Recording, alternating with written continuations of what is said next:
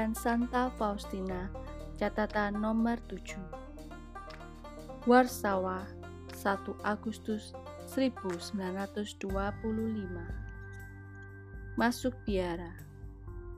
Sejak usia tujuh tahun, aku mengalami panggilan yang jelas dari Allah, yakni rahmat panggilan untuk hidup membiara.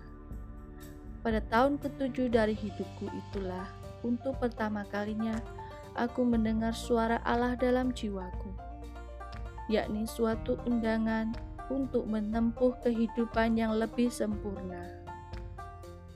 Tetapi aku tidak selalu patuh kepada panggilan rahmat ini. Aku tidak menyumpai seorang pun yang dapat menjelaskan hal ini kepadaku. Catatan harian nomor 8 Aku memasuki tahun ke-18 dalam hidupku. Aku mengungkapkan permintaan yang tulus kepada orang tuaku untuk mendapat izin masuk biara. Orang tuaku menolak mentah-mentah.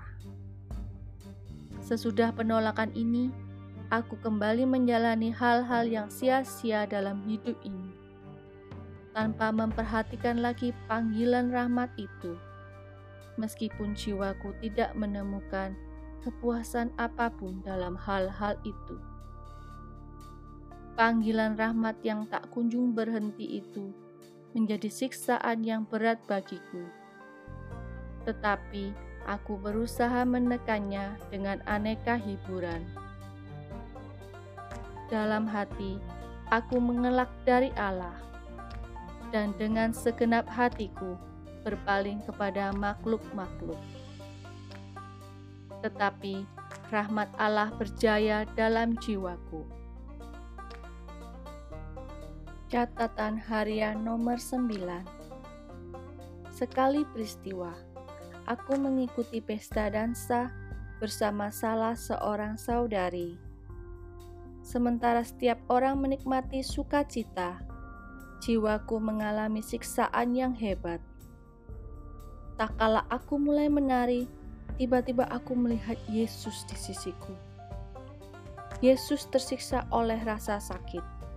Pakaiannya dilucuti dan tampak seluruh tubuhnya penuh dengan luka. Ia mengucapkan kata-kata ini kepadaku berapa lama aku harus bersabar menunggumu, dan berapa lama engkau akan terus mencobai aku. Pada saat itu, musik yang mempesona itu tidak terdengar lagi olehku, dan teman-teman yang ada bersamaku hilang dari pandanganku. Hanya tinggal Yesus dan aku. Aku mengambil tempat duduk di dekat saudariku tercinta pura-pura sakit kepala untuk menutupi apa yang terjadi dalam jiwaku.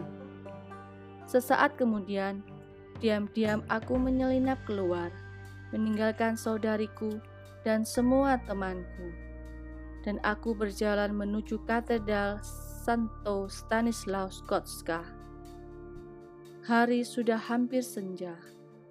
Hanya ada beberapa orang di katedral tanpa memperhatikan apa yang terjadi di sekelilingku, aku rebah di depan sakramen Maha Kudus dan memohon kepada Tuhan agar berkenan membantuku memahami apa yang harus aku lakukan.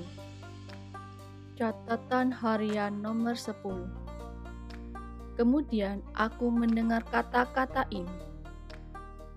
Pergilah, segera ke Warsawa, di sana engkau akan masuk biara. Aku beranjak dari doaku, pulang ke rumah, dan mengemasi barang-barang yang perlu kubawa.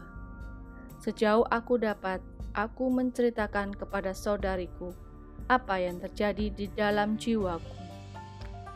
Aku mengatakan kepadanya untuk menyampaikan selamat tinggal kepada orang tua kami, dan dengan demikian dengan hanya membawa pakaian yang aku kenakan, tanpa membawa barang lain apa pun. Aku tiba di Warsawa. Catatan harian nomor 11 Ketika aku turun dari kereta api dan menyaksikan semua orang pergi menyusuri jalan masing-masing, aku dicekam oleh rasa takut. Apa yang harus kulakukan? Kepada siapa aku harus pergi? Karena aku tidak mengenal seorang pun di Warsawa. Maka aku berkata kepada Bunda Allah, Maria, tuntunlah aku, bimbinglah aku. Serta-merta aku mendengar dalam hatiku kata-kata yang memberitahukan kepadaku agar aku meninggalkan kota dan pergi ke suatu desa yang tidak jauh dari kota itu, tempat aku akan menemukan rumah yang aman untuk bermalam. Aku berbuat demikian, dan sungguh aku menemukan segala sesuatu persis seperti yang dikatakan kepadaku oleh Bunda Allah. Catatan harian nomor 12 Pada hari berikutnya, Pagi-pagi benar, aku kembali ke kota dan masuk ke gereja pertama yang aku lihat. Di sana, aku mulai berdoa untuk mengetahui lebih lanjut kehendak Allah. Misa kudus dirayakan yang satu sesudah yang lain. Dalam salah satu misa itu, aku mendengar suara. Pergilah kepada imam itu dan katakanlah segala sesuatu kepadanya. Ia akan memberitahukan kepadamu apa yang harus engkau lakukan kemudian. Sesudah misa, aku pergi ke sakristi.